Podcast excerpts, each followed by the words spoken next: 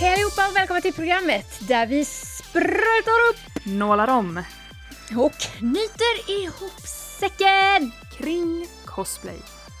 Detta är... Cosplay! Oj, oj, oj. Vilken falsett vi fick där idag. Ja, men jag är så bra vet du. Eh, sen, eh, sen mina gamla skoldagar. Så, så att det, jag tänker att jag bjuder på det. Du är den som måste så här skriksjunga den där superpitchen i Strålande stjärna i julkonserten. Jag skulle vilja säga att jag är alltid den som ville skriksjunga det mesta för att höras mest. Mm, mm, right. Jag var liksom den här jobbiga personen som bara, finns det ett solo så är det mitt. Du är inte en körperson egentligen helt enkelt. Nej, nej, nej, jag hatade kör. så var det. Det var inte min grej. Ja, inte lätt. Ja, Olivia. Hur är det? Oj, en Ja. gäsp kom här. Jajamän. Ja, hur är det med dig? Det är 11 plusgrader idag as we speak. Du, det är 12 här ute hos mig. Jag eh, Nej, tog en fan. fem kilometers promenad förut och tittade på lite kor som jag har här i området. Det var jättemysigt. Ja, men det är ju lite som att livet kommer tillbaka till en Ja. när man när det inte är mörkt vid 17 Mm. och det är plusgrader. Mm. Det är Det är, det är insane. Snart har du, blir eh, det, har du gjort nå- jag skulle precis säga att snart blir det photoshoots utomhus. Ja, vi kan hoppas Snart händer det. i alla fall. Ja. Men jag har sett på Instagram att du i alla fall har craftat lite. Nödvändigtvis inte cosplay, men eh, du har gjort lite andra dingle dangles. Ja, ja, ja, ja exakt dingle dangles. Jag har gjort lite örhängen, vilket jag har gjort förut. Typ. Men Mm. eh, hur går det för dig? Du hade ju börjat crafta lite. Va? Vad är det? Var har du sett det någonstans? Nej, du hade pepp i alla fall förra gången vi pratade. Ja, men det var ju inte pepp på crafting, det var pepp på annat. Ah, Okej, ah, okej, men då så. Ja. Mm. Nu för tiden, det senaste sen vi spelade in sist har jag inte craftat mer än personliga brev kan jag säga. Visst ja. Så så är det. Men Olivia! Mm. Vi har ett tema idag. Det har vi, det har vi alltid. Det är ingen ja, överraskning. ja, det har. Vi säger att vi har ett Ja, tema. det är sant. Sen, sen, sen om vi håller oss till det eller inte, det, det går ju att diskutera. Ja. Men tanken är att vi ska ha ett tema i alla fall. ja. Som, som jag sa sist, att vi får en rubrik i alla fall. Ja, Ehm, mm. Vi gör vårt bästa. Men Olivia, vad är vårt tema denna veckan? Vårt tema den här veckan är cosplay och HBTQIA+. Mm. Alltså jag ska säga, om jag ska vara helt ärlig, det här är typ det avsnittet som för det första har varit mest requestat, Mm. men det är också det avsnittet som jag är mest nervös över, Mm. Ja, ska jag säga. men du, du är den straightaste personen i rummet, även om du inte är helt straight. Jag är definitivt inte, inte straight, men jag är kanske mest straight, I guess. Ja, ja, okej, det var kanske lite konstigt av mig att säga det, men Vissa brukar säga till mig att jag är straight passing. ja, men det är det ju. Det är ju. Mm. Det är helt Mm. rätt. Så Ja, är det. Det var det jag menade. Ja, det Förmodligen. var, var fint att jag kunde förtydliga det för dig. Mm.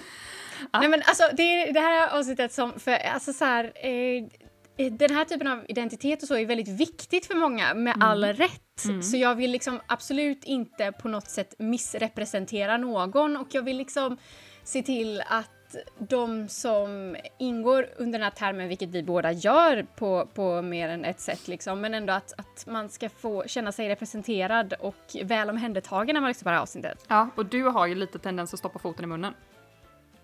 Ja, ja, men jag tänker att den här gången så, så kan jag ju ändå, kanske vi ringde in någon som kan säga åt mig att Josefin, nu är hela hälen inne i munnen. Alltså. Mm. Dra in dig när det, när det börjar att, eh, när det börjar att spåra, Ja. så att säga. Men jag tänker att det, det kan ju också bli educational för att om någon gör fel eller säger någonting dumt då kan det vara bra att höra varför det är dumt. Ja, säg jättegärna till, mm. slida in i DMen och säg till eh, Josefin att det där, Mm, ja.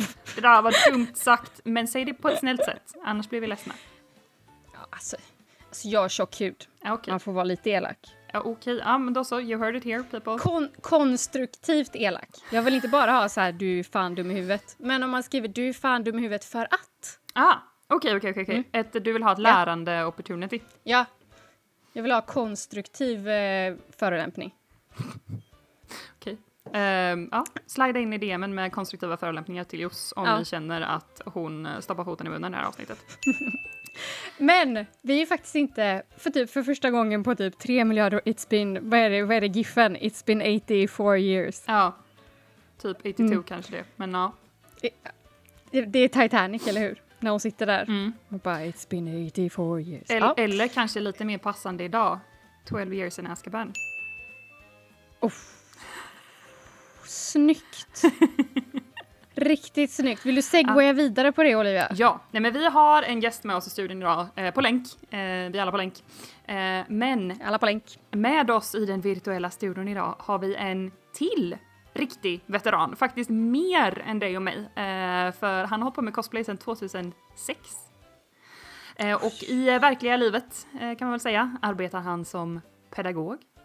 Men han är även en av grundarna till den populära cosplaygruppen Mischief Managers och Squad, Sorcerers Queers United Against Discrimination. Med oss idag har vi Robin, eller som internet känner honom, My Queer Ass. Yes, hej! Välkommen! Du har fått sitta här och lyssna på oss uh, tjata en liten stund nu. Var alla våra stackars Vi hörde även en, en katt som sprang i bakgrunden där. Ja, jo, de rusar runt i bakgrunden. Vi får strunta i dem sen. Will to see Om de vill prata. Alltså, kan jag bara få fråga, hur kom du på det användarnamnet? My queer ass. Ja, Oj, eh, det är från Tumblr-dagarna ska jag säga. Eh, För att när man eh, gjorde någonting, hade en interaktion på Tumblr, då blev det alltid liksom användarnamn liked this eller användarnamn eh, någonting någonting this. Ah, och ja, då ja. blev det my queer ass liked this. Det tyckte jag var roligt. Det är lite ja roligt. absolut. Mm, det, det är roligt. Men har du fortfarande Tumblr? Eh, är inte inloggad på. Jag, den finns där ute någonstans, men jag har inte använt den på flera år nu. Nej. Same. Alla flydde ju Tumblr när man inte fick lägga upp porr där längre. Exakt, det var ju tråkigt. Så att, eh, men problemet med det var ju, alltså problemet med att porren försvann var inte att porren försvann, det var ju att de också började censurera saker som egentligen, egentligen inte var pornografiska. Ja, jo, men det, det var mycket bannhammare som svingades här. Ja, Ja, och anledningen till att folk samlades där först var ju att det inte var så mycket bandhammare som svingades. Så att man fattar ju liksom att folk drog då. När man Och nu är de på Twitter istället. Ja. precis. Där censuren ännu inte är riktigt lika... Inte riktigt lika hård. Nej. Nej, den är väl på väg nu när de har börjat stänga ner politiker i USA och sådär. Ja, det är sant. Sen är inte jag jätteledsen att de sparkade ut Donald Trump. Nej, ingen, Även om nöm- ingen nämnd, ingen principen- glömd. Men Även om principen inte är great så känner jag att om vi ska censurera någon så... eh, Men ja. det viktiga är ju att porren är kvar än.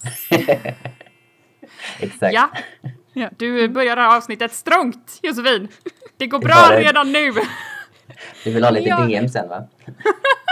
Ja, ja. Varje avsnitt så ber jag alltid folk slida in i mina DMs av diverse olika anledningar. Men alltså vi har redan haft en diskussion om att jag läser mycket BL så jag menar det är inte så konstigt att jag kan öppet säga att gött att det finns porr kvar på Twitter. Nej, nej. Nej, det, det, det, det är okej.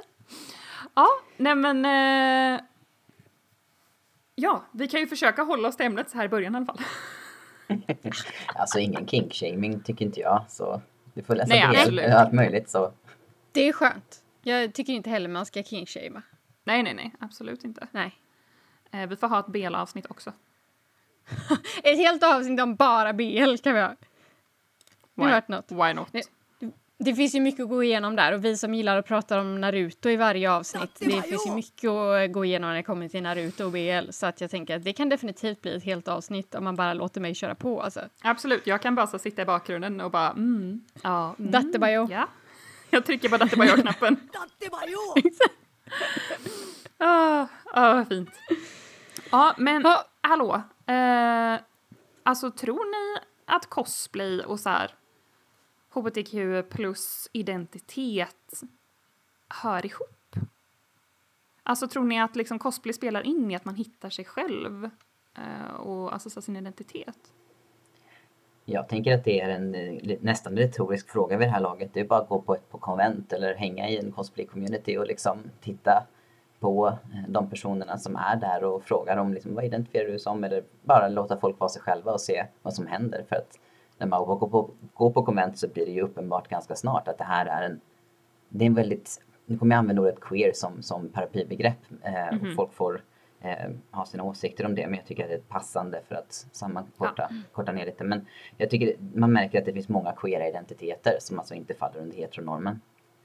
Just i vårt community.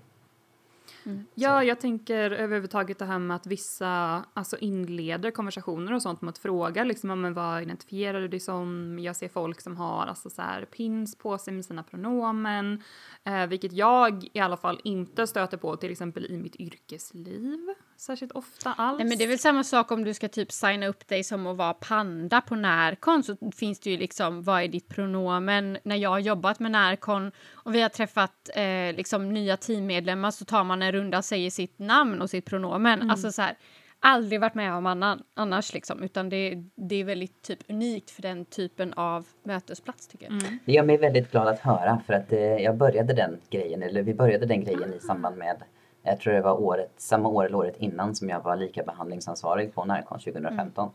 Så att eh, det var någonting som mm. jag tror de hade påbörjat lite grann tidigare året, eh, året innan. Eh, men som vi också verkligen satte lite som, som en norm. Det ska vara så här. Vi ska fortsätta mm. med det. Så det är bra att de, det är jag glad att höra de fortsätter. Ja, det, man kan ju hoppas att folk tar med sig det liksom till sitt vanliga inom citationstecken liv och alltså så ifrågasätter andra institutioner. Men varför är det inte så här? Om en så här liten nördorganisation med massa volontärer gör så här, varför gör inte vi det? Det är lite, ja, det är verkligen så att så ett frö typ. Mm, verkligen. Ringar på vattnet. Ja. Ja, ja, det är fantastiskt. Ja, alltså jag skulle nästan vilja kalla eh, konvent, i alla fall i Sverige, för alltså queera spaces på engelska, alltså så queer, queera rum um, nu för det mesta. För att även om det rör sig väldigt mycket personer som inte uh, identifierar sig som queer um, överhuvudtaget så alltså det är ändå, det, det är väldigt mycket rainbows. Ja absolut, alltså det jag tycker det som är spännande just med att det har blivit så på konvent ja, i Norden i allmänhet men kanske eventuellt andra konvent också. Jag har inte jättestor erfarenhet av konvent i övriga Europa, övriga världen. Men främst i Norden är det mycket, mycket queerhet, mycket queera uttryck. Och det enda andra tillfället där det får synas på samma sätt tycker jag är väl under Pride eventuellt. Mm. Så. Men det som är unikt med just konvent är att det är inte därför folk har sökt sig dit. Utan det som förenar folk är egentligen bara den allmänna nördigheten och passionen för nischade ämnen och teman så. Och serier och spel och sådär. Och sen kommer liksom det här identitetsuttrycket kommer som en sekundär men ändå väldigt viktig aspekt av det. Och då när man öppnar upp, öppnar upp dörrar för att uttrycka sig queert på ett sätt, alltså nördighet, då verkar det som att ja, men plötsligt så blir det en möjlighet att, att undersöka andra delar av identiteten på ett queert sätt också. Mm. Hur, hur tror ni det kommer sig? För man tänker typ så här, de flesta, i alla fall för våran del, när vi började med konvent och cosplay, då var det i huvudsak på grund av japansk media. Mm. Nu finns det jättemycket folk som kommer in i det på grund av saker som typ ja, men Harry Potter, alla, så liksom västerländsk media. Men D när vi började då var det ju ja, DND, jag vet inte, Shira, alltså allt sånt. Men då var det ju verkligen the animus mm. liksom. Mm.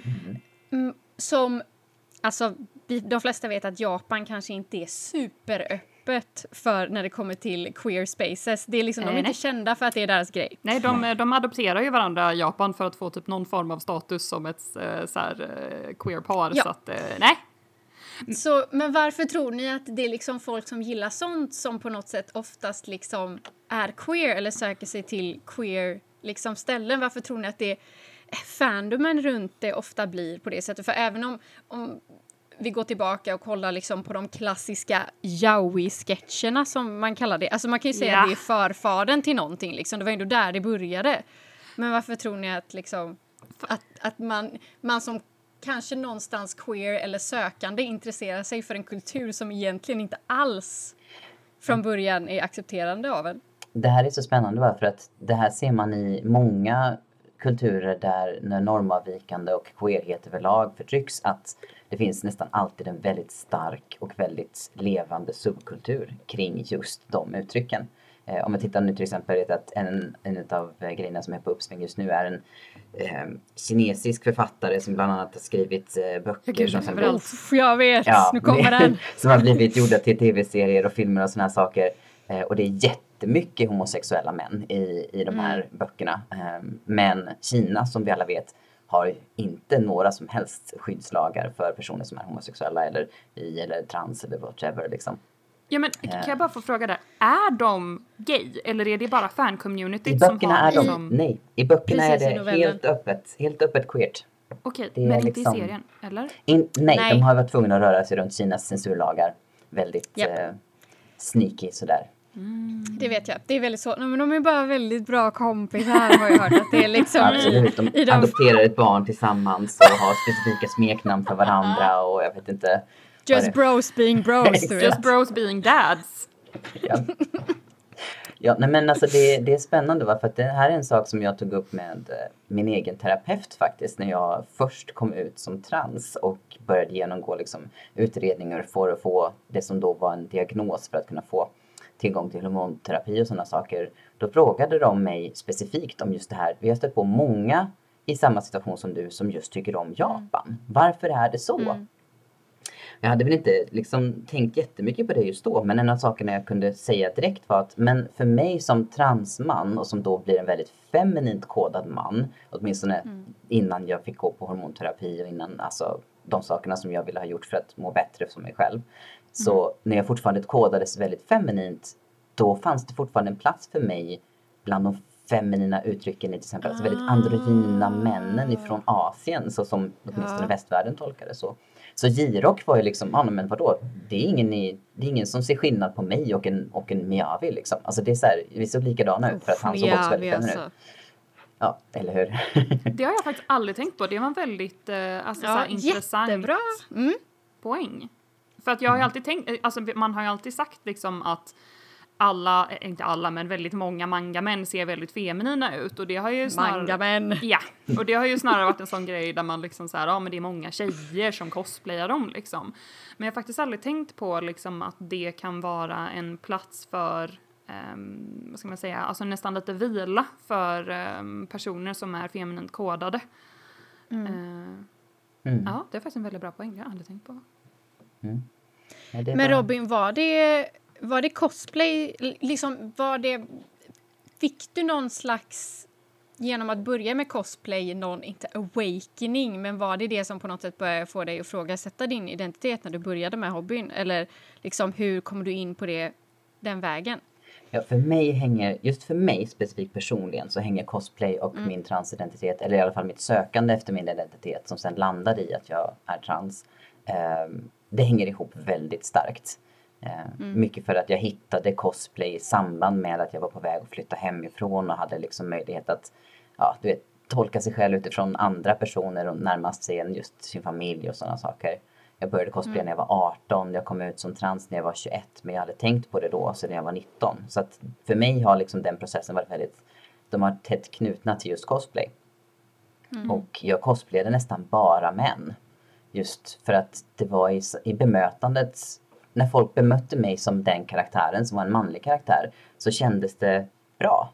Och jag visste först inte varför men sen när någon, när någon inom cosplay-community sa liksom "Nej, men jag är trans, jag bara finns det? Och då så blev det återigen att det, ja men det var ju där jag hittade mitt begrepp också, mitt ord för mig. Så att eh, ja, det hänger väldigt tätt ihop och jag vet att det är många som känner, har upplevt det på samma sätt med både för att, för att det ger en möjlighet att, att du vet vidga vyerna för vad kön kan innebära för att du kan ta på dig en helt annan könsidentitet än den du har till vardags. Men också för att det kan betyda att men, kön behöver inte vara det behöver inte vara så statiskt. Utan, men idag ser jag ut som den här karaktären och då tolkar folk mig på det här sättet. Och idag ser jag ut som den här karaktären och idag ser jag ut som mig själv och så vidare. Ja, men det tillåter lite för alltså, experimentering med eh, vad man själv känner sig bekväm med och vart man känner sig hemma liksom. Ja, det kan ju vara lite av en fristad, tänker jag. Alltså så här att, att om, man, om man är questioning eller liksom så är nyfiken att om man då cosplayar Naruto, då kommer... Alltså det är, som, det är som eh, när man tittar på Drag Race. Alltså när de är i drag, då använder de feminina pronomen. För att det är liksom så de är kodade. Och lite så blir det, ja men Naruto, man vet att man kallar honom Ja, jag antar, jag har inte, jag kommer inte ihåg vad de kallar honom. Japan har ganska, för att vara ett inte så queert land har Japan väldigt många könsneutrala pronomen. Så är det. Eller snarare, de mig- använder knappt pronomen överhuvudtaget. De, de, Exakt. de könar inte sitt subjekt. Ibland så tar de bort subjektet helt och hållet. Så att Nej, det, de har, de har ju ett, ett väldigt maskulint jag. ja, och jag de skulle misstänka att. Naruto- Ja, Jag skulle misstänka att han är en sån som använder orre. Jag Ja. misstänker att andra bara refererar till Naruto som skitunge eller något liknande. Liksom. Det är så här, alltså snälla. Den där. Men, men då, vi ser ju honom, i, i västvärlden så använder vi manliga pronomen på honom. Och då tänker jag att om man cosplayar honom så, så kan nog folk som träffar en på konvent använda manliga pronomen. Och det kan ju vara liksom ett sätt att typ upptäcka vilken typ av pronomen man är mest bekväm i även utanför sin Naruto-cosplay, tänker jag. Precis. Ja, men det, det som du säger där är väldigt bra poäng för att det är också det att när du tar på dig en, en välkänd karaktär eller ett, eh, en karaktär som folk åtminstone, ah, okej men jag, jag tror att det här är en man eller jag tror att det är en kvinna. De flesta känner ju, det är nästan alltid någon som känner igen vem du cosplayar. Det är en av sakerna som är kul med cosplay, att man, folk uppmärksammar ens arbete och sen sitt- ens uttryck. Och då är det ju liksom, ja, men du är ju du är klädd som den här manliga karaktären och då har du gjort ett val i att klä dig på ett sätt som folk kommer känna igen som en manlig karaktär. Och så, ja, om man folk bara använder eh, manliga karaktärer då till exempel, då kan det vara en läge att kanske fråga, okej, vill att jag ska använda ditt pronomen? Eh, Vad är det? Vill att jag ska använda karaktärens pronomen? Och så vidare. Ja, för jag tänker också på att kläder börjar ju tack och lov bli lite mer, alltså man börjar bryta ner lite gränserna mellan kläder, eh, vad som är kodat som maskulint och feminint, det är ju fortfarande alltså hyfsat nytt och många spjärnar emot, men, eh, men om man ändå liksom börjat då alltså bryta ner mode eh, ganska mycket och man ser det liksom kända eh, artister som gör det. Jag tror inte någon har kunnat undgå Harry Styles liksom. Tänkte Ehm, precis på Harry Styles. Ja, Mm, Vogue-shooten. Ja, men just därför så kan jag tänka mig hur i cosplay, då blir det liksom inte bara att man tar på sig en outfit som är liksom feminint eller maskulint kodad, utan man tar ju på sig en hel identitet hos en karaktär, så det blir ju liksom steget längre. Eh, och det blir dessutom i ett utrymme där alla gör det, så att det är så här, det är inte lika skrämmande som att ta på sig en vanlig outfit kanske för att så här, alltså testa runt lite i ehm, sin vardag. Tänker Nej men jag. precis, det blir som sagt free space. Mm.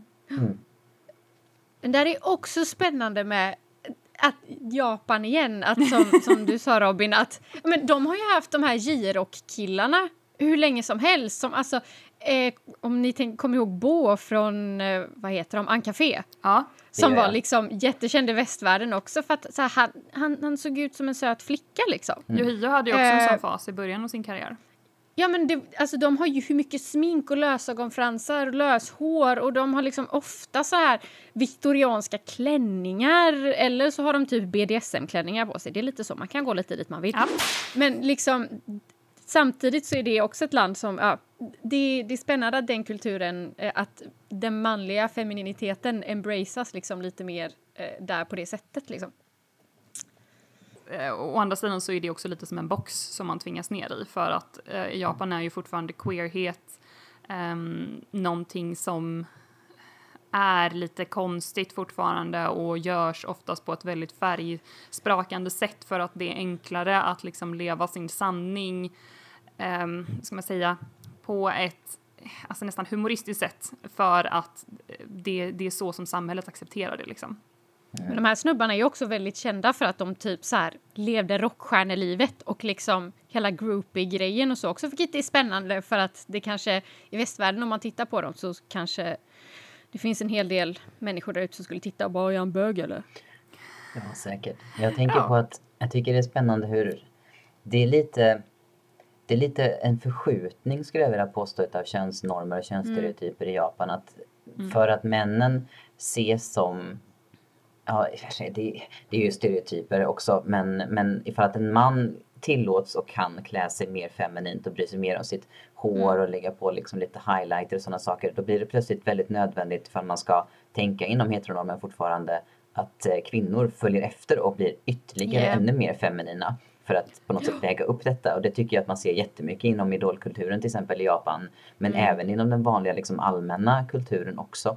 Om vi ska ha Japan som exempel. Det blir liksom det öppnar inte upp för möjligheten att experimentera egentligen. Det är mer bara att man har skjutit på normerna.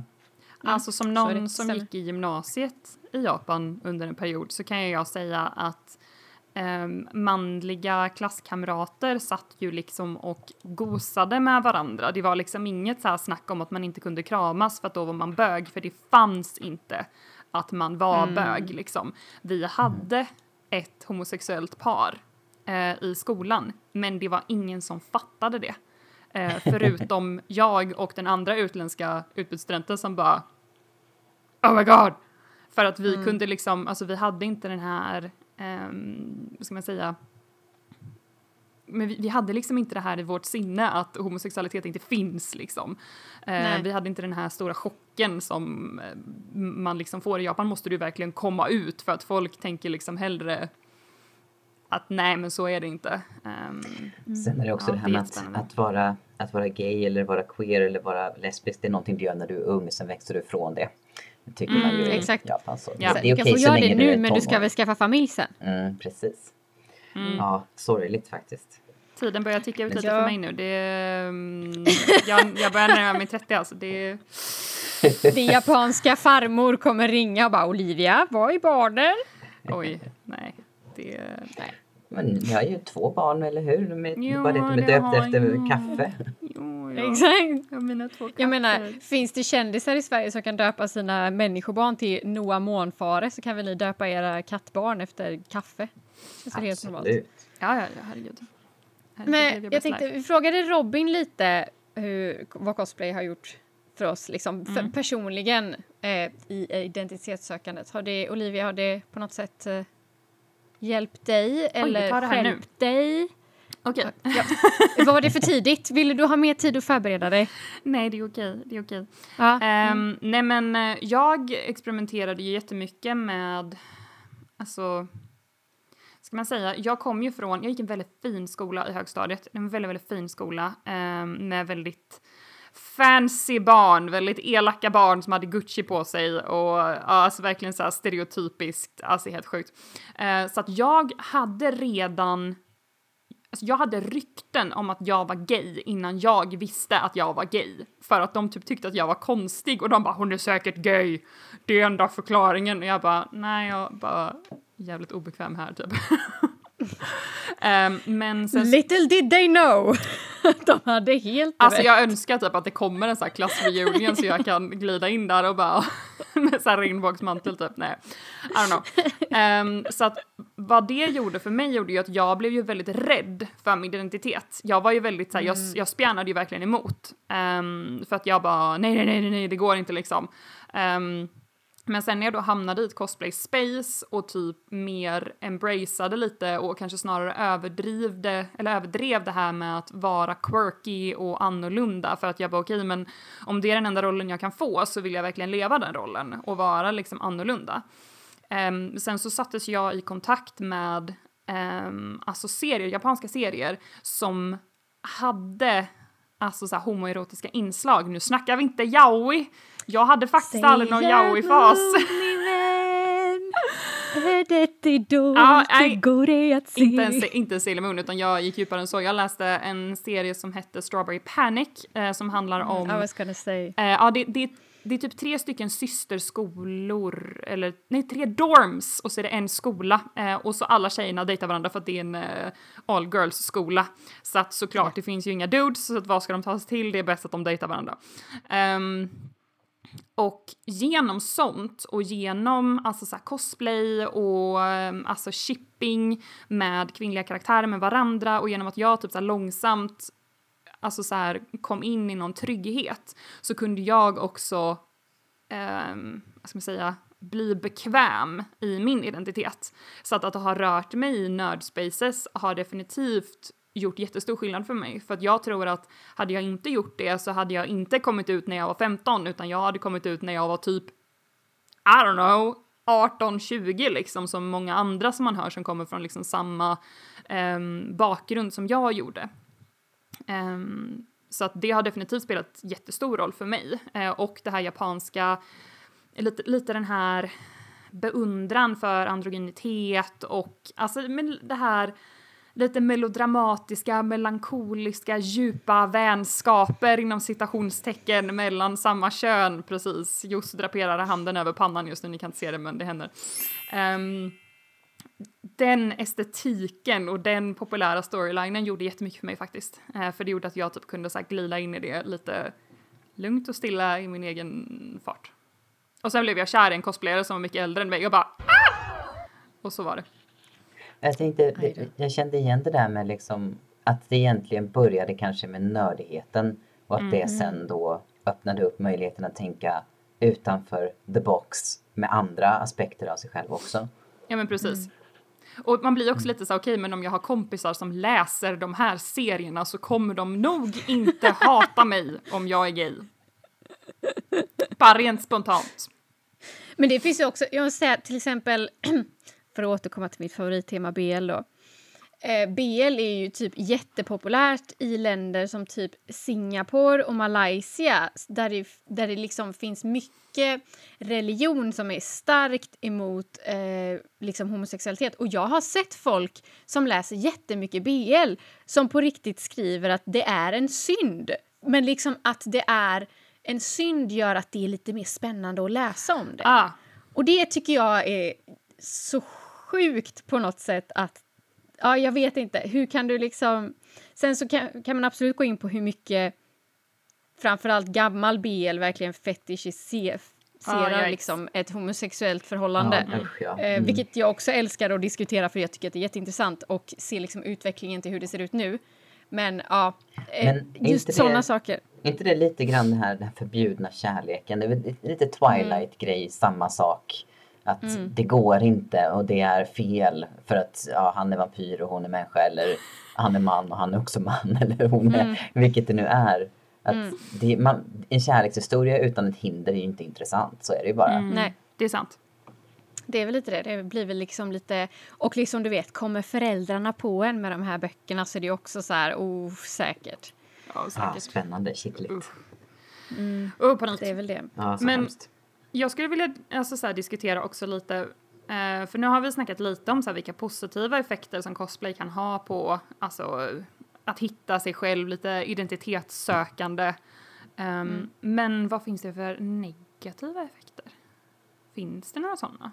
Jag försöker tänka liksom vad, hur det kan ha varit skadligt för mig, men jag tror verkligen inte att det har varit det för mig. Ehm, Alltså en sak som jag tänker på är att media är ju fortfarande väldigt, medias bild av kön är fortfarande väldigt binär.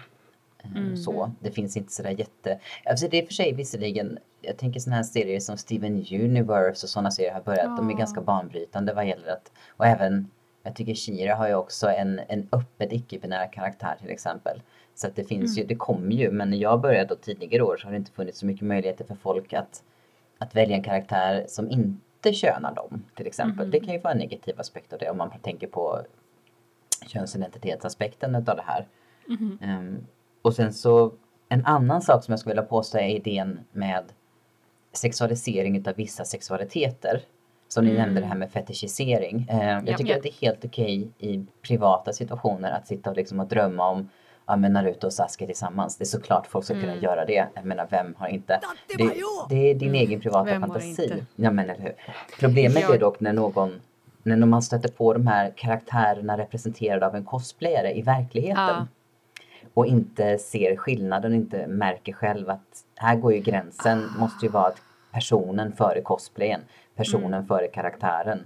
Ja. Jag kan inte be två personer som jag inte känner göra fanservice för mig och för att det är mitt chip och det är mitt kink. Ingen kinkshaming, det handlar om att liksom prioritera en persons känslor och gränser innan dina egna upplevelser. gud, och där tycker jag faktiskt är någonting vi måste bli bättre på som community överlag. Att aldrig anta att eh, personer som gillar samma sak som du gillar det på samma sätt som du.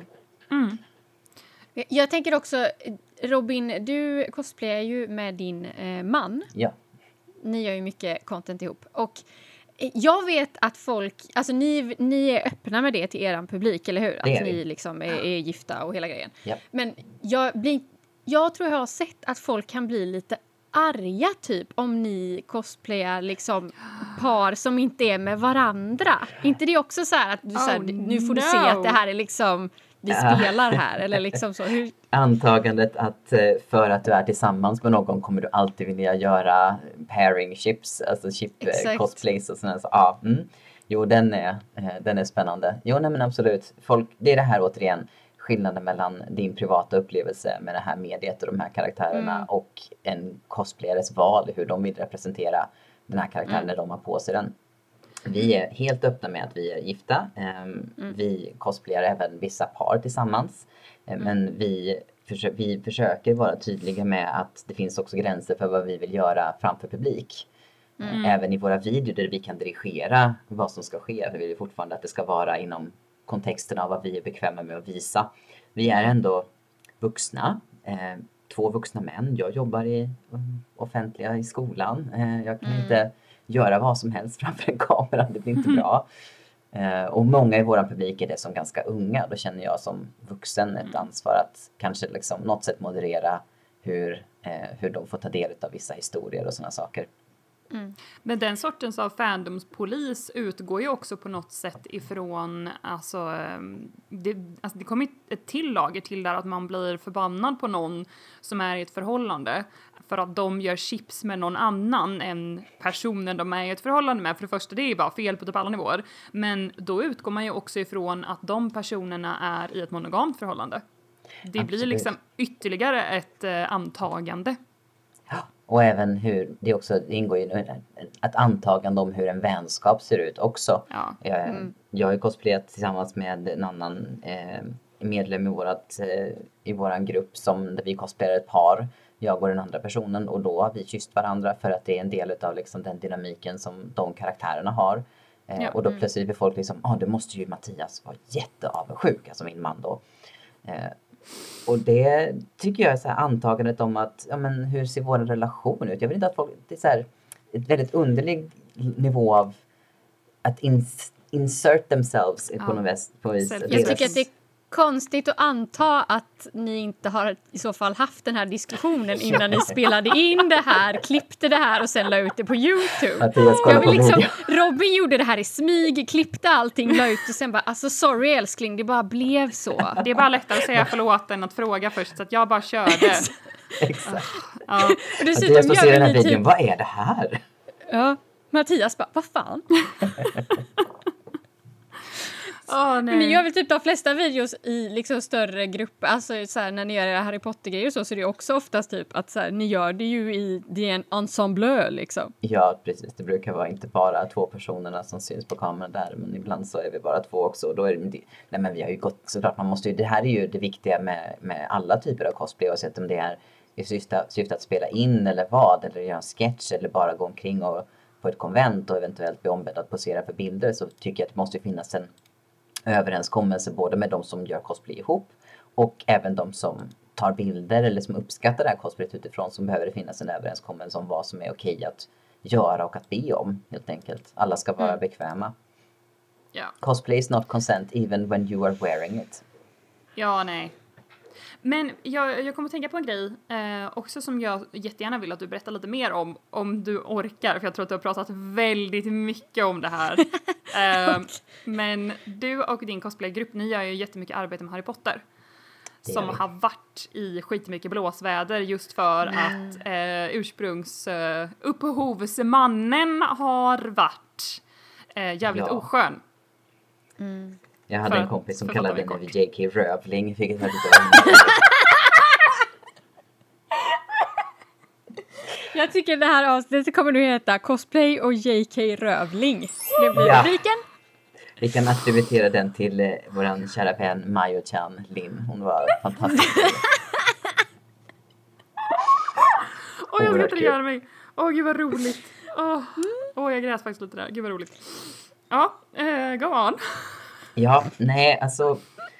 Jag har brottats ganska mycket med mig själv om detta. Vi har olika åsikter inom gruppen liksom, om hur vi känner kring det här. Mm, mm. Jag vet att eh, en åsikt som florerar som jag absolut tycker är helt legitim är att det vi gör är egentligen ganska frånkopplat det som pågår i själva Harry Potter-serien och det som hon gör och det som ursprungsberättelsen handlar om. Att vi har tagit mm. berättelsen så pass långt ifrån det den egentligen var när, mm. när, vi, när man läser originalverket. Att det inte vi är inte beroende av hennes åsikter längre för vi har gjort någonting eget med den. Eh, Medan jag känner också att eh, om alla som, alla som är hbtq plus själva, alla som eh, stöttar detta, alla som är beredda att på något sätt ta upp, eh, ta upp striden för våra rättigheter i samtalet med, kring Harry Potter. Om alla vi överger det samtalet för att vi tar avstånd då kommer det bara vara kvar de som är skitstövlar. Eh, Mm. Och det tycker jag är väldigt tragiskt att se ett verk som har betytt så mycket för så många och fortsätter betyda så mycket och kommer fortsätta betyda mycket för de som kommer hitta det här verket i framtiden. Om de bara stött på turfs när de eh, ger sig in i fandomen så kommer det vara oerhört sorgligt för, den, för det verket och för de personerna framförallt. Nej, jag tänker det, det är många precis på samma, sätt, på samma sätt som cosplay har hjälpt mig hitta min identitet så har många känt att de har hittat sin identitet genom just Harry Potter. Inte nödvändigtvis i koppling till cosplay men i, nöd, men i koppling till eh, känslan av att vara en outsider som hittar sin plats. Found family är ett väldigt starkt tema i de böckerna och det är också ett väldigt starkt tema i att vara queer. Att man skapar sin egen familj för att de personerna runt omkring en förstår inte. Harry, huvudkaraktären, kommer bokstavligen ut ur garderoben i början av berättelsen. Det är liksom Ja. vad som händer. Det, det går inte. Hon, hon, hon har, har ju stulit queera teman för att berätta en historia här. Och det tycker jag är väldigt vackert. Eh, när folk uppmärksammar detta och kan använda det för att bygga sin egen eh, uppfattning om sig själva. Eh, och då tycker jag att det är viktigt att de queera berättelserna får synas fortfarande också i fandomen. Jo, för det är det jag tycker är så fint och alltså som, det är också lite därför jag ville lyfta det, eh, är ju att ni har ju verkligen tagit alltså något som blev smutskastat eh, och så har ni ändå liksom cosplayat från det och skapat ett queer utrymme inom alltså den här franchisen och inom den här fandomen. Um, oavsett liksom utomstående eh, påverkningar. Så att jag tycker det är ganska fantastiskt faktiskt. Um, och, eh, Tack snällt och förmodligen det bästa sättet att eh, göra henne ännu mer frustrerad. Inte för att jag tror att hon någonsin kommer förstå och ha någon koll på vilka vi är. Ehm, och ifall att hon skulle ha det skulle hon nog bara shut this down liksom. Men eh, bannar man. precis. Men jag känner ändå att det, jag blir glad av att kunna in, föreställa mig att jag kan vara en nagel i ögat för henne. Det tycker jag är bara roligt. Så. Men det är väl också lite det som är, alltså så här, jag har sett folk som, alltså ordet headcanon är ju en grej. Alltså jag har sett folk som liksom så här, men jag väljer att se, nu kommer det igen, Saske typ, som en transman och det är så här, go off. Det är Absolut. liksom så här, du har den rätten att tolka honom så om du vill det. Alltså så här, du får cosplaya en karaktär hur du vill eller tolka den hur du vill. Enda gången du behöver förhålla dig till någon typ av regler är om du ska ställa upp i en tävling. Mm, absolut. Ja. Cosplay ska vara så fritt tycker jag för att det, det är egentligen den personliga upplevelsen som, som Ja. möter andra på något vis. Det, ja. Men det är som han eh, som spelade... ehm, nej men hjälp. Inte Anakin. Luke Skywalker! There it is! Ja, Eh, ja. kom- Mark Hamill. Ja, Mark tack så Hamill, mycket. ja. Mark Hamill. Han eh, har ju sagt det liksom i presskonferenser när folk eh, har påpekat att så, ah, nej, men det är vissa som säger att, att Luke eh, är gay. Ehm, och då har ju han sagt det liksom. Han bara, om du tycker att Luke är gay så är han gay. Ja. För det är din Det- story liksom. Det tycker jag är viktigt att uppmärksamma att eh, den personliga erfarenheten utav en berättelse den måste få eh, den måste få vara legit på något vis. Ingen kan ta det ifrån folk. Eh, och det är det Ja, som men- jag tycker är ett så stort problem med just J.K. Rövling. Att, eh, att hon på något sätt fortsätter att post-edit lägga till och ta ifrån saker från de här berättelserna och låter dem Ja. inte stå Ja. för sig själva. Hon försöker styra fandomen liksom och man bara, nej nej. Nej, så funkar det inte. Jag som en så person som ändå har jobbat med lite public relations får typ alltså så här stresspåslag varje gång jag ser henne skriva någonting på Twitter. Jag bara, Ja. kan vi... Åh, Jag har aldrig följt henne på Twitter så... inte har jag blockat heller, men hon henne dyker nu. upp ändå. Ja. Jag har blockat henne nu, eh, men tidigare så kunde man titta på hennes tweets och bara Jag undrar hur din förläggare, din agent mår. Åh, gud. Jättedåligt skulle jag tro. De bara, hade, nu det varit, igen! hade det varit jag hade jag bara så här. Jag ska ha löneförhöjning varje gång hon upp, dig på tweetar. grund, sagt upp dig på grund av magsår. Ja, men typ. Ja, fy. Herregud. Förresten, vi pratade om ehm, non-binary karaktärer förut. Mm. Mm. Jag måste bara nämna, som jag nämnde i förra avsnittet. Alltså jag ser ju om från början Shingeki no Kyojin nu. Mm. Shingeki no Kyojin har ju en non-binary karaktär. Är det så? Mm, Hanji, som är the mad scientist, eh, benämns ju med könsneutrala pronomen och har liksom inget så... Inga Så, tydliga könsmarkörer? Okej. Så, Precis. Och, eh, så det har alltid varit... Eh, eh, nu har inte jag... Vi, vi, ser ju den för att jag bestämt mig för att jag ska se hela för att det är en sån happening nu mm. med den sista säsongen. Men vad jag fattat det som så, så, finns det liksom mer story kring det längre in i serien. Men ja, Hanji har ju inte... Och även... Eh, det släpptes till exempel ett Hatsune Miku rytmspel till mobiler i Japan nyligen med lite nya olika karaktärer som var typ olika band. Mm. Och då är det en av dem som eh, de karaktärerna som klär sig i feminint kodade kläder men är väldigt tydlig med att hen vill liksom benämnas som hen. Ja, det är faktiskt nice. väldigt spännande att ha ett... Och det är ju då i ett idolmedie. Ja. Ett, så med ett feminint könsuttryck fast en eh, icke ja. liksom, binär identitet. Precis. Det är ju faktiskt väldigt, det, det, är nästan banbrytande för att det ser man väldigt sällan i, sällan i mainstream media överlag uppmärksammandet av möjligheten att faktiskt uttrycka sig antingen feminint eller maskulint och fortfarande vara androgyn eller icke-binär i sin mm. identitet. Ja, nej, men hen har fått väldigt mycket uppmärksamhet i den västerländska eh, fandomen på grund av den anledningen att det är ett väldigt så feminint uttryck men att hen är väldigt tydlig med att eh, det, det, är en non-binary karaktär. Liksom. Det tycker jag är väldigt härligt. Här. Ja. Mm. Det, nice. det är det som är så spännande tycker jag med just så cosplay och könsidentitet. Att där, där får man ju verkligen en möjlighet att testa på olika uttryck som kan vara supermaskulina, superfeminina. Och det behöver inte spegla vem du är egentligen. Nej. Om mm. du inte vill. Ja, alltså som jag har sagt förut, jag cosplayar typ bara, eller inte bara, men jag cosplayar väldigt många karaktärer som är helt bananas och det är inte för att jag uh, identifierar mig med någon av de karaktärerna liksom, men det är ändå en frihet. Du identifierar dig inte som bananas? Nej, ibland alltså. Ibland spårar det lite, men nej, men alltså ni förstår vad jag menar liksom. Det är ändå, ja, en frihet. Mm. Ja, nu tänker jag att nu är det dags för Robin, the World Wide Web-inlägget mm. här. En liten sekvens. Varje vecka, varje vecka, varannan vecka då, ja. eftersom Cosplaypodden släpps varannan vecka. Mm. Jag säger cosplaypodden för att göra det tydligt att det är tänkt att det ska vara en cosplaypodd. Mm -hmm. Sen så svävar vi lite nu för tiden. Mm -hmm. Det är för att ingen vill göra cosplay i en pandemi, Nej. tänker jag. Nej, Förhoppningsvis blir det mer fokus sen när vi inte pandemiar oss. Mm. Men, och så frågar jag folk kring eh, veckans tema mm. för att jag vill ha med lite andra röster i programmet. Så jag gick ut och frågade, jag bad också, jag sa också att folk fick eh, slida in i mina Facebook DMs om de eh, ville vara anonyma. Mm. Så jag tänker jag ska läsa lite, lite känslor, eh, lite åsikter och så kan vi snacka lite runt om. Mm. Trevligt. Jättekul. Så. Först. Jag vågade komma ut när jag väl kom in i cosplayvärlden. Alla som mm. jag kom i kontakt med var så stöttande. Det tog dock några år till innan jag hittade min rätta sexualitet, men även det med hjälp av vår community och de vänner man fått genom åren. Ja. Fint. Underbart. Men jag tänker också på det, har liksom, när ni kom ut, mm. den identiteten eller sexualiteten ni kom ut som, har den ändrats sen dess? För jag är väldigt så, jag är en person som säger att jag, jag vet att jag inte är hetero. Mm. Men jag lägger inte så mycket vikt vid att hitta någon annan form av label heller.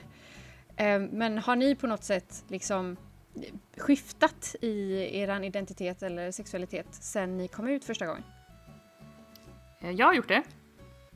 Jag mm. gjorde som ganska många andra homosexuella personer och mjukstartade med att tänka att nej men jag är nog bisexuell.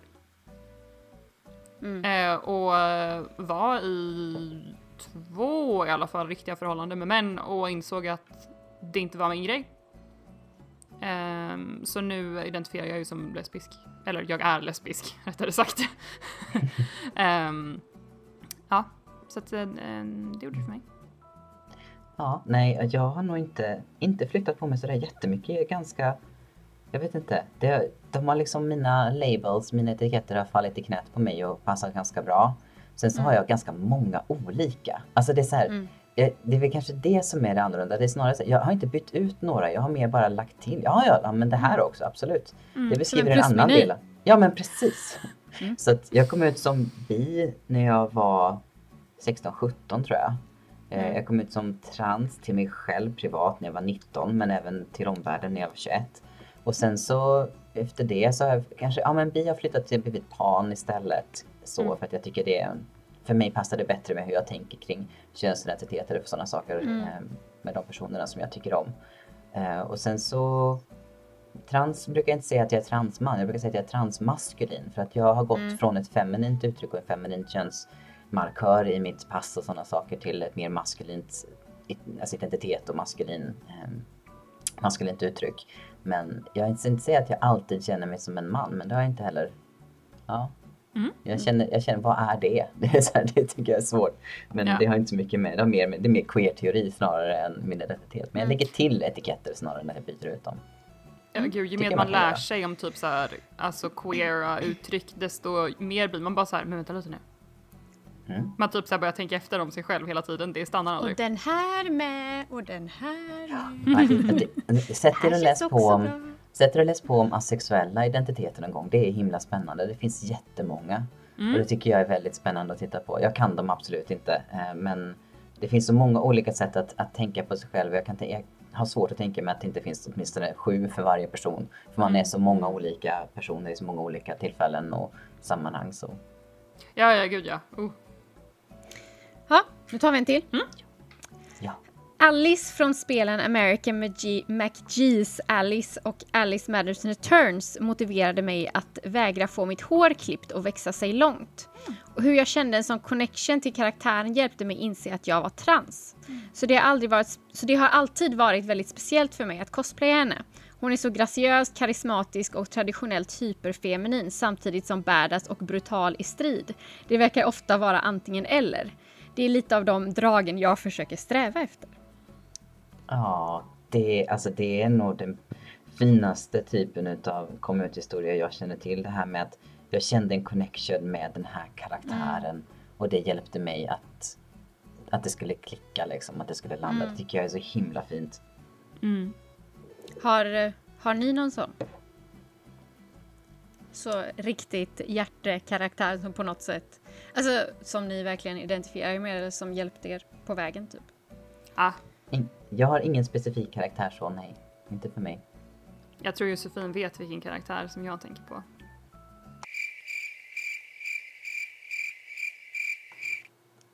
Oh my god, det Är är det, ju- är det, är det Uranus? Ja. Ja.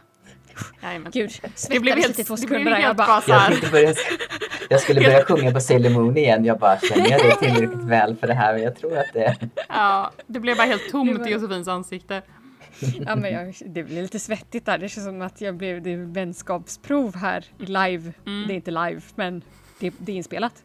Nej men Uranus är så himla cool för att eh, hon eh, identifierar ju sig som kvinna tror jag att det kom fram till slut i alla fall. Men med ändå alltså så icke-binära, jag, jag tror hon är alltså gender fluid skulle jag nog nästan säga. Eh, beroende på liksom eh, vilka situationer som, eh, ja det, ja. Ja, nej, men Finns säga en version fluid. av dubben av Sailor Moon där hon då är man när hon inte är förvandlad och sen förvandlar sig till en kvinna för att de skulle undvika att hennes relation med Neptune var lesbisk? Det finns var även, Det, Var inte den här Star Sing? Det hette lite de här, Ja, det finns ju ett ja. gäng med killar Ja. som blir... Mm, ja. Det är inte de du tänker på, nej. Nej, men Nej. eh, I, i den amerikanska dubben så har ju alltså Sailor Neptune som då är eh, Sailor Uranus girlfriend, väldigt obviously. Eh, de är livspartners i alla fall. Eh, och hon har ju vissa moments, till exempel när hon tänker tillbaka på sin första kyss. Så kommer det så en jätteobvious, alltså så här tankebubbla typ med så här rosor omkring och så är det Uranus. Man ser att det är hon men man ser typ inte hennes ögon men man ser att det är liksom Uranus. Eh, och i den engelska versionen så har de då lagt över ett Oh Brad. Jajamän. nej. Brad också! Jajamän. Brad. Oh, Brad. Åh, Det är glorious. det är värsta namnet också, ursäkta. Ja, jag bara såhär, om ni måste erasa eh, lesbiska i media så vill jag helst att det sker på det här sättet för det är i alla fall väldigt roligt. Det enda som hade varit värre hade varit Chad. Ja. Nej, det var Brad. Jag är ganska säker. Oh, Chad. Okej, Ja, nu har har vi den sista här. Web? Vi har den sista. Okej. Och den här tog jag för att jag är lite biased. Jaha. Ja, Blir gud vad hon inte alls Går läst. Dattebajo-knappen varm nu kanske? Mm, vi får se. Mm. Jag var som yngre och lättinfluerad lesbisk väldigt osäker i min sexualitet i samband med femininitet. Jag hade lärt mig från omvärlden att lesbiska ska vara ganska maskulina och försökte hålla mig till det. Det hela gjorde att jag nästan blev rädd att presentera mig feminint i både mitt dagliga liv samt i cosplay då jag oftast höll mig till att cosplaya pojkar. Men upptäckten utav idoler Ah, som väldigt sällan har fokus på romantik mellan motsatta kön har fått mig att pusha mig själv till att våga vara gullig och feminin och känna att jag inte sviker min sexualitet för att jag går runt i kjol och volanger. Åh, vad fint. Wow. Ja. Ja. Och jag tycker det här- också att det är, Jag tycker alltid att eh, det är fint att höra när man på något sätt hittar någonting som gör att man kan bryta sig ifrån en stereotyp som man inte känner sig bekväm med alls. Liksom. Helst med Det idoler. här är ju, det här är ju liksom Ja. det som är bra med media och med berättelser överlag. Mm. Ja. är att du får möjlighet att vidga dina vyer på ett tryggt sätt som inte behöver Mm. ha konsekvenser för ditt eget liv förrän du är redo Mm. för de konsekvenserna. Det tycker jag är... Och det får, ja, det är det de berättelser ska vara till för.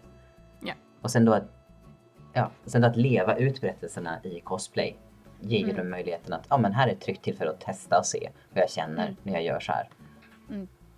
Men det är det jag menar med att det här om att om du vill se Sasuke som en transman, om det hjälper dig med din identitet och ditt välmående och hur du upplever den medien, så go ahead på samma sätt som att så här, det spelar ingen roll varför typ de här idolkaraktärerna är här. Om de får dig att bli mer bekväm och känna på ett visst sätt, då är ju det din upplevelse och den är ju valid. Mm. Jag tycker det är Liksom. viktigt också att uppmärksamma att det, det, har, det har alltid börjat där. Det har alltid börjat med att, att konsumenterna utav media, alltså fansen, Mm. oss nördar som snöar in oss på saker, att det är vi som börjar med att uttrycka att men, det, jag passar ju inte in i några av era, era modeller av de här personerna. Så jag kommer att lägga till de här grejerna så att jag sen känner att jag ser mig själv i det. Mhm. Och sen så ju högre vi skriker och ju, mer, ju fler vi är och ju mer högre vi är desto mer behöver eh, maktinnehavarna i medieproduktion lyssna.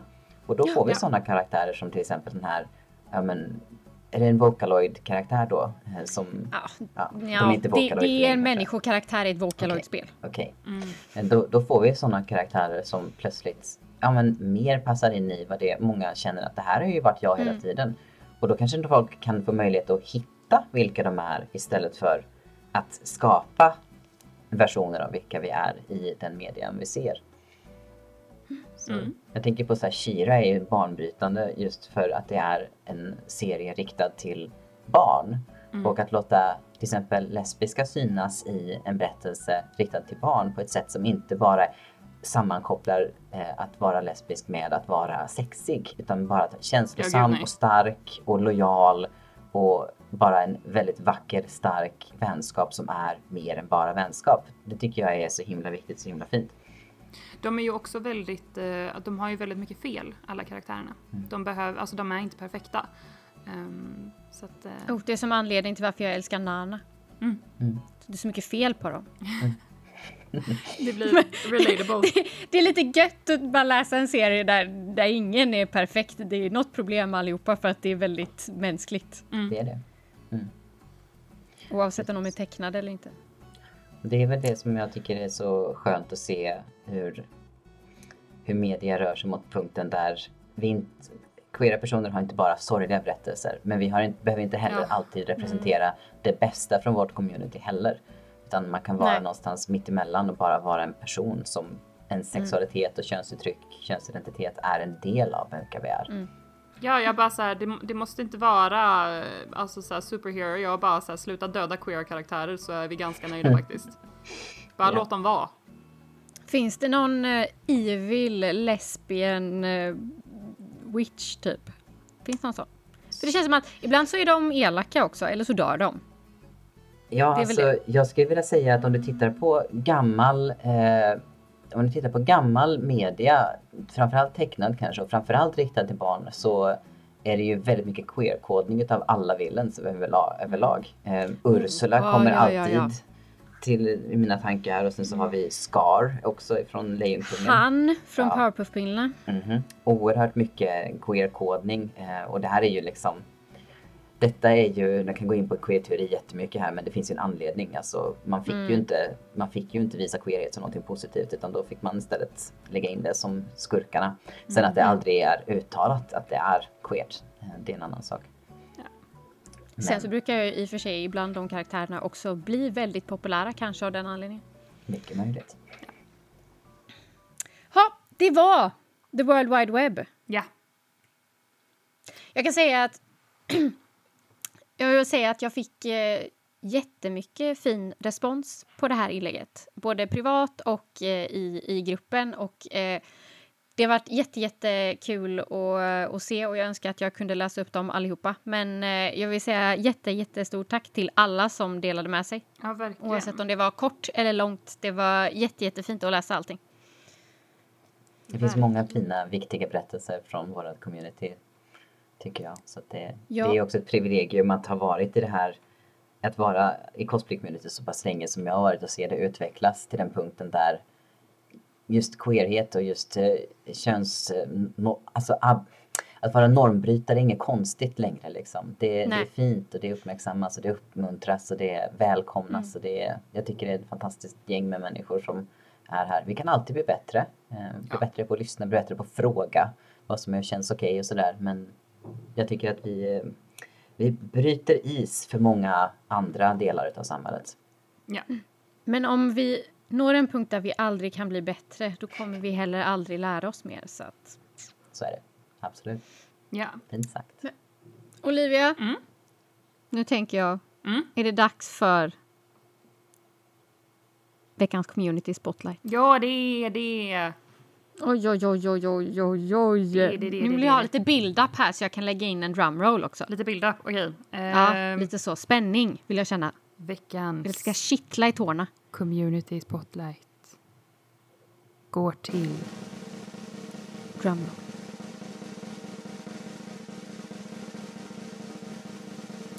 Eh, Drama Queen Cosplay, also known as Liam slash Lee. Eh, den här nomineringen kommer in ifrån eh, Elliot. Eh, Oh, Elliot. Jajamän, jajamän. Väldigt eh, fin supporter av podden, vilket vi uppskattar något enormt. Eh, Elliot har skrivit att eh, Liam är så himla duktig med smink, skapar och skapar och kämpar på eh, trots motgångar och har så fina eh, original characters, OCs, och cosplayar typ alla Critical Role-karaktärer som hen kan få händerna på. Om eh, man befinner sig i samma fandombas eh, som hen eller spelar i samma dd spel så kommer man att leva sitt bästa liv då Liam inte kan låta bli att sminka, skapa, pyssla, sy och skapa TikToks med de karaktärerna.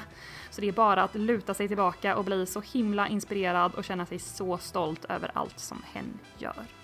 TikToks. Ja, klockappen. Jag tycker det var en jättefin nominering och eh, Jättefint. jag eh, följer Drama Queen Cosplay och är alltid väldigt imponerad av alltså hur mycket coola grejer de producerar. Eh, och de har även producerat väldigt coola grejer väldigt fort ibland där jag bara som what? Hur? Ehm, och vet även från en av mina vänner att de är väldigt hjälpsamma. Så att eh, det tycker jag var väldigt med bra. allt det där. spotlight.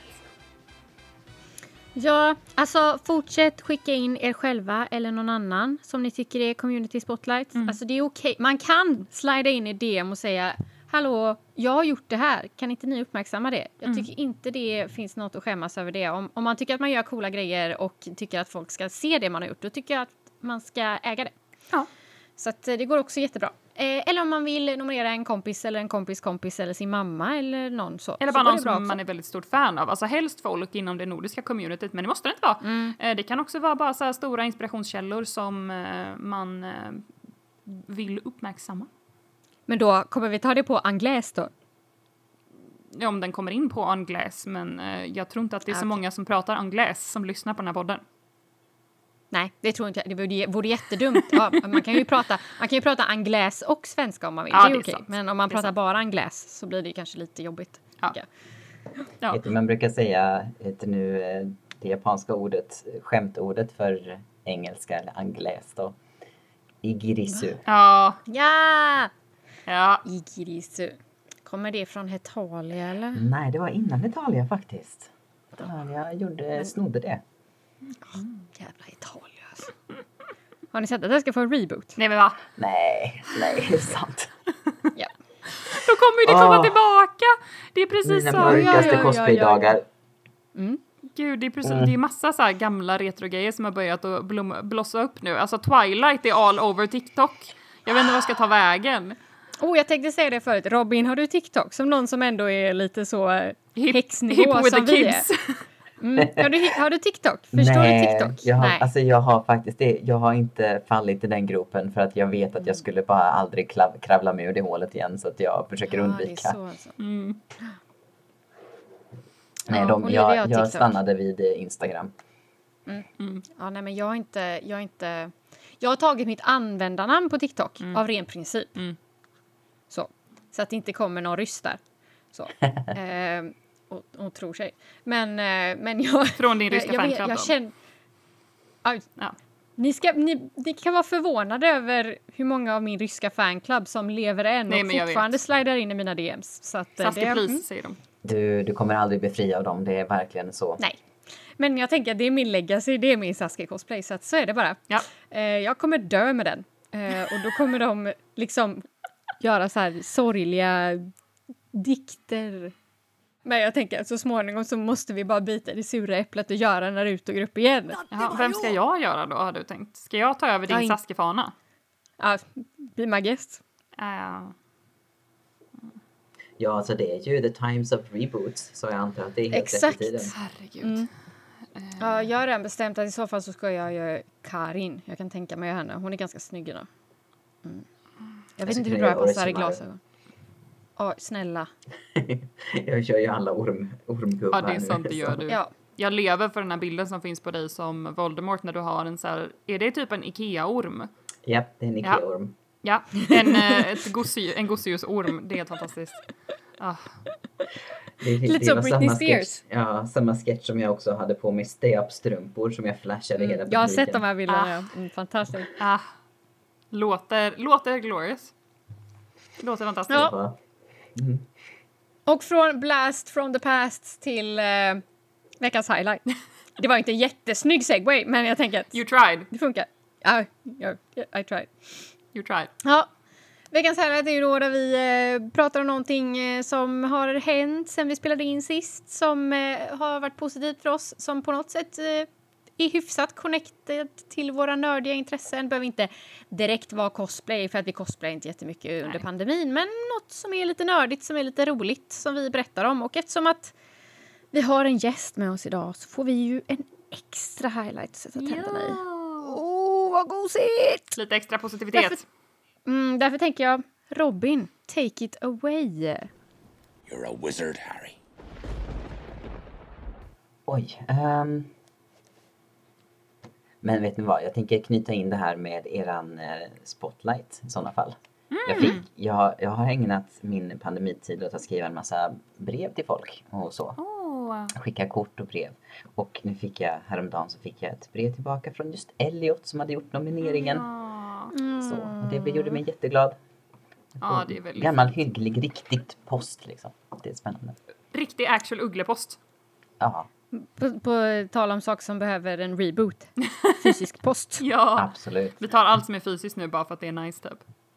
Precis så. Det är så jag tänkte också. Ja, ja jag, jag fick också faktiskt ett brev från Elliot för inte allt för länge sedan. Det var jättefint. Very nice. Elliot har ju också gjort vår enda fanart för den här podden. Nej, är det sant? Ja, du menar korsstygnen? ja, jag har fått ett korsstygn. Jag trodde att jag hade den här. Jag har fått ett korsstygn där det står number one lesbian mom för att jag typ eh, rageade så hårt att jag nästan tappade rösten i vårat eh, cosplay crunch avsnitt om att jag bara vill att folk ska ta hand om sig själva. Ehm, det var väldigt fint. Gud vad fint. Mm, det var väldigt fint. Mm. Ja. Ja. Olivia, ja. gör din grej.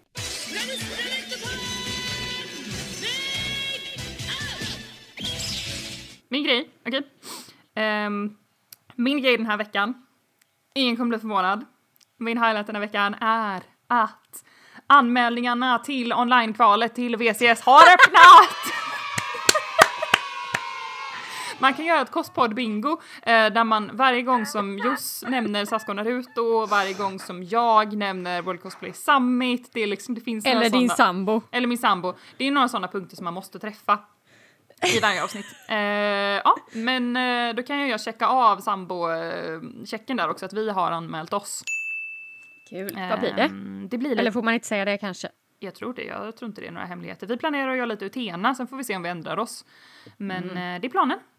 För vi kände att man har bara två månader på sig. Eh, sen så har de skrivit, de har skrivit i anmälan, de bara vi fattar att det här är väldigt kort varsel. Om ni inte är typ 100% klara så kommer vi ändå försöka döma liksom utifrån det ni har gjort och utifrån de planerna som ni har och utifrån potentialen av performancet och dräkterna. Um, så att de kommer typ döma på eh, kvaliteten av det du har gjort. Och så också om du skriver att ah, nej, men jag tänker göra det här och det här också. Så kommer de nog kika lite på okej okay, men är det rimligt att man hinner det? Eh, liksom. Eh, så att jag, de kommer döma lite mer så. Vilket jag tycker är alltså en väldigt bra anpassning. För att det har ju varit lite svårt att få regler ifrån högsta hönsen så att eh, ehm, ja och jag vet att eh, Närcon för eh, tillfället jobbar helt volontärbaserat med det här. Alltså det är ingen på Närcon som liksom jobbar heltid med det längre, eh, för det är bara inte möjligt just nu. Så att eh, alla som är bakom det här kvalet är volontärer, så att jag tycker att vi ska vara väldigt snälla mot dem, även om det, fast, även om det saknas lite info och så. För att som sagt, det här är förmodligen den enda cosplaytävlingen vi kan tänka oss att få eh, innan eh, kanske till och med nästa år. Så att eh, jag tycker att eh, alla som gillar att tävla ska eh, i alla fall kika lite på det. För att jag tycker Vad vinner man? ut.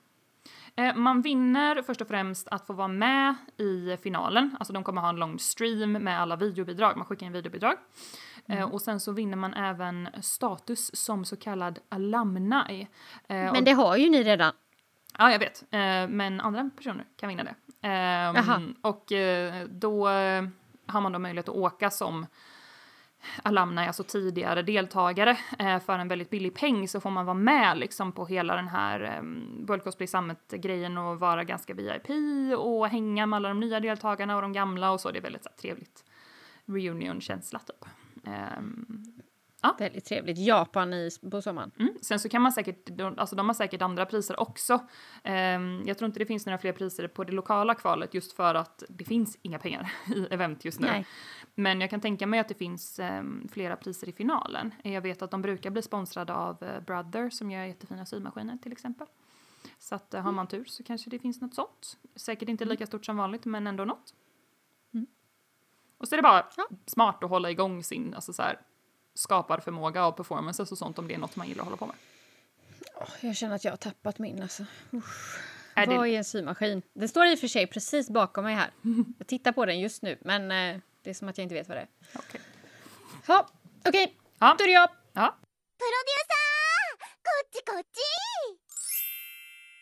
Alltså gud, jag har ju ångest inför det här varje vecka. Vad, vad händer ens? Jag har mer lowlights än highlights. Nej, kanske inte. inte ah. Nu ska vi inte dra det så långt. Men... Eh, eh, um, Uma Musume-spelet släpptes den här veckan. There you go! Eh, du kan uppfostra hästtjejer så de springer snabbast av alla hästtjejer. Alltså hästtjejer som i tjejer med svans och hästöron. Som Ja, alltså, springer som galopphästar. Inte hästtjejer som tjejer som gillar hästar. nej, nej, nej. Det Det är häst, hästtjejer som katttjejer är. är. Ja. Det är som en, det är som en Neko Girl fast det är en Uma Girl. En horse girl. Ja. Ja. Och, så, och så är de också idoler. Ja, det är en glorious Såklart. franchise. Den är faktiskt väldigt rolig.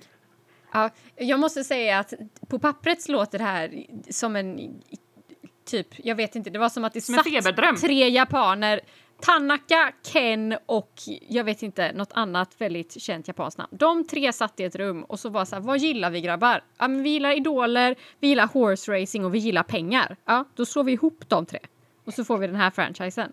Men de har ju också gjort en anime på den och den är förvånansvärt bra. Alltså så här, vissa saker de lägger till som att typ så här, jag har en pet peeve att jag inte tycker om när så här katttjejer typ har mänskliga öron och kattöron. Men det är det som är att de har konstigt. två par öron. Det är lite, det är lite weird. Mm. Det är liksom make up your mind. Men de här tjejerna har inte det. Och de har liksom anpassat typ alla grejer som man ser i deras vardag till att de är hästtjejer. De har liksom, deras så här, telefoner är liksom extra långa så de ska nå upp till öronen. Istället för att springa till skolan med en bit bröd i munnen springer de till skolan med en morot i munnen. Okej, är Eh, när de roligt. ska gå till frisören så har de liksom ett hål i frisörstolen där bak så svansen ska kunna sticka ut. Det är liksom markerat hästar? på... Nej, nej, nej. Nej, okej. Bara vissa tjejer Okej, okej, föds som... Där vill jag bara säga, huvudtjejen i den första säsongen, hon har två lesbiska mammor. Oho. Denny. Nämen! Ja, hon har två mammor. De, de rör inte så mycket vid det faktumet, men hon har två mammor. Som hon så här, det får man se i förbifarten. Mamma Hon har touchies. två mammor. Mm. Och typ så här på de asfalterade vägarna så är det liksom markerat så här där hästtjejerna kan springa. Och typ sådana saker. Den är liksom förvånansvärt charmig och väluttänkt och nu efter typ tre års försening så släpptes appspelet den här veckan. Cykel och hästbana. My favorite. Så eh, det har jag spelat. Eh, det är ganska, det är förvånansvärt roligt ändå. Eh, hela franchisen. Jag tänkte direkt att man skulle kunna dra kopplingen till alltså eh, anpassningar för personer med funktionsvariation. Ah, okej, Ja, svans. Då måste vi fixa så att det finns stolar för dig. Ja, här har vi en lane för dig som behöver springa så här fort och som inte kan, som inte behöver bumpa in och gå in i alla andra. Ja, exakt så är det. Det är väldigt så. De har liksom, de har liksom byggt en hel värld där man, där man ser i liksom omgivningarna att så här, okej, men de här hästtjejerna är en del av samhället. Typ. Ja. Så, och sen så går de alla på en hästtjejskola och, och ska bli världens bästa hästtjej, idol och Be the eh, maratonlöpare. hästtjej you can be. Jag kan säga så här, de hade kunnat ta bort idolelementet. Det, det berörs väldigt lite. Det är typ Men det här, är bara om en de vinner- ursäkt för söta Ja. outfits. Men liksom, om de vinner sitt lopp, Mm. då får de stå i mitten när de ska göra en låt efter loppet. Det är så här, Okej. okej, varför? Kan de inte bara få vinka? Typ? Okej. Ja. Okej. Det är en charmig franchise. Dock finns bara det här spelet i Japan. Så att Man får hacksa lite, det går ju alltid att hacksa lite. om man vill ha hjälp med att hacksa för det här spelet, då kan man slida in i mina DMs. Joss är expert på det här. Jag är bra på att hacksa japanska spel. Ja. Ja. Ja, Good. det var, det var våra highlights, inga lowlights den här veckan. Det Nej. var bara en, det var en special för förra veckan. Ja. Om farliga 23-åringar. ja. Men eh, ja, alltså vi har inte jättemycket mer. Liksom vill eh, Robin, har du något att eh, tillägga innan du ska få plugga dig själv?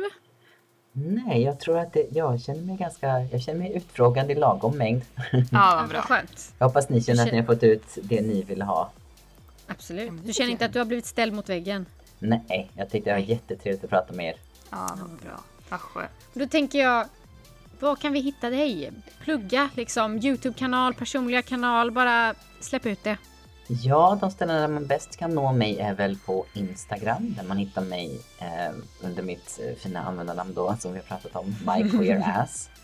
Inga mellanrum, ingenting sånt utan bara ett ord. Eh, och så kan man ju då om man såklart är intresserad av att se vad vi gör med Harry Potter-serien när vi gör alla så queer som vi bara kan eh, på våran Youtube-kanal The Mischief Managers.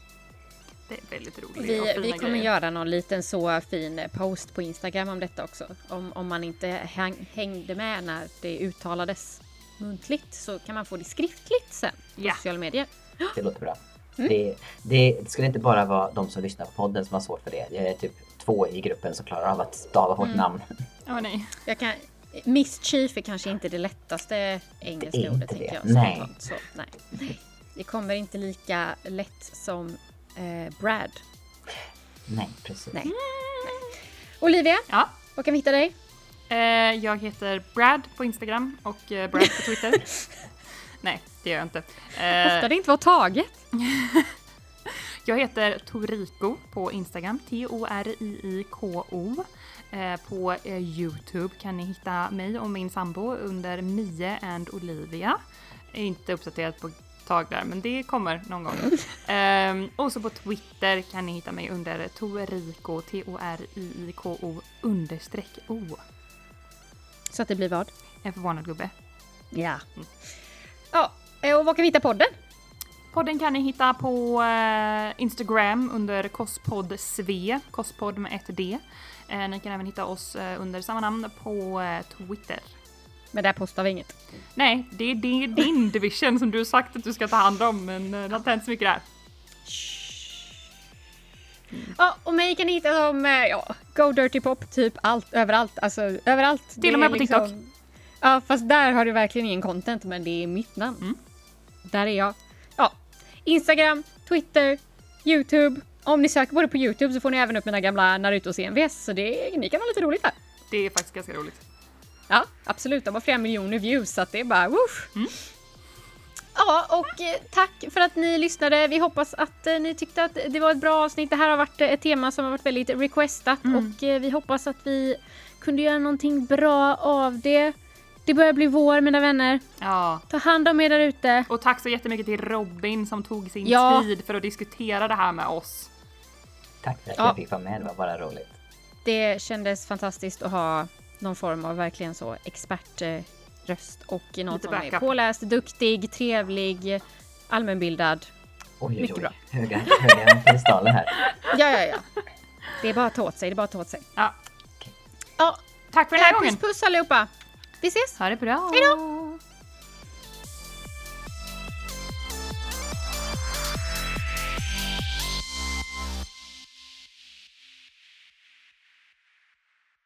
Kostpodd är en podcast gjort av Josefin Devert och Olivia Pontén. Åsikterna i det här programmet reflekterar bara våra egna och speglar inte hela det svenska cosplay-communityt. Våran jingel är gjord av Hjalmar Funke.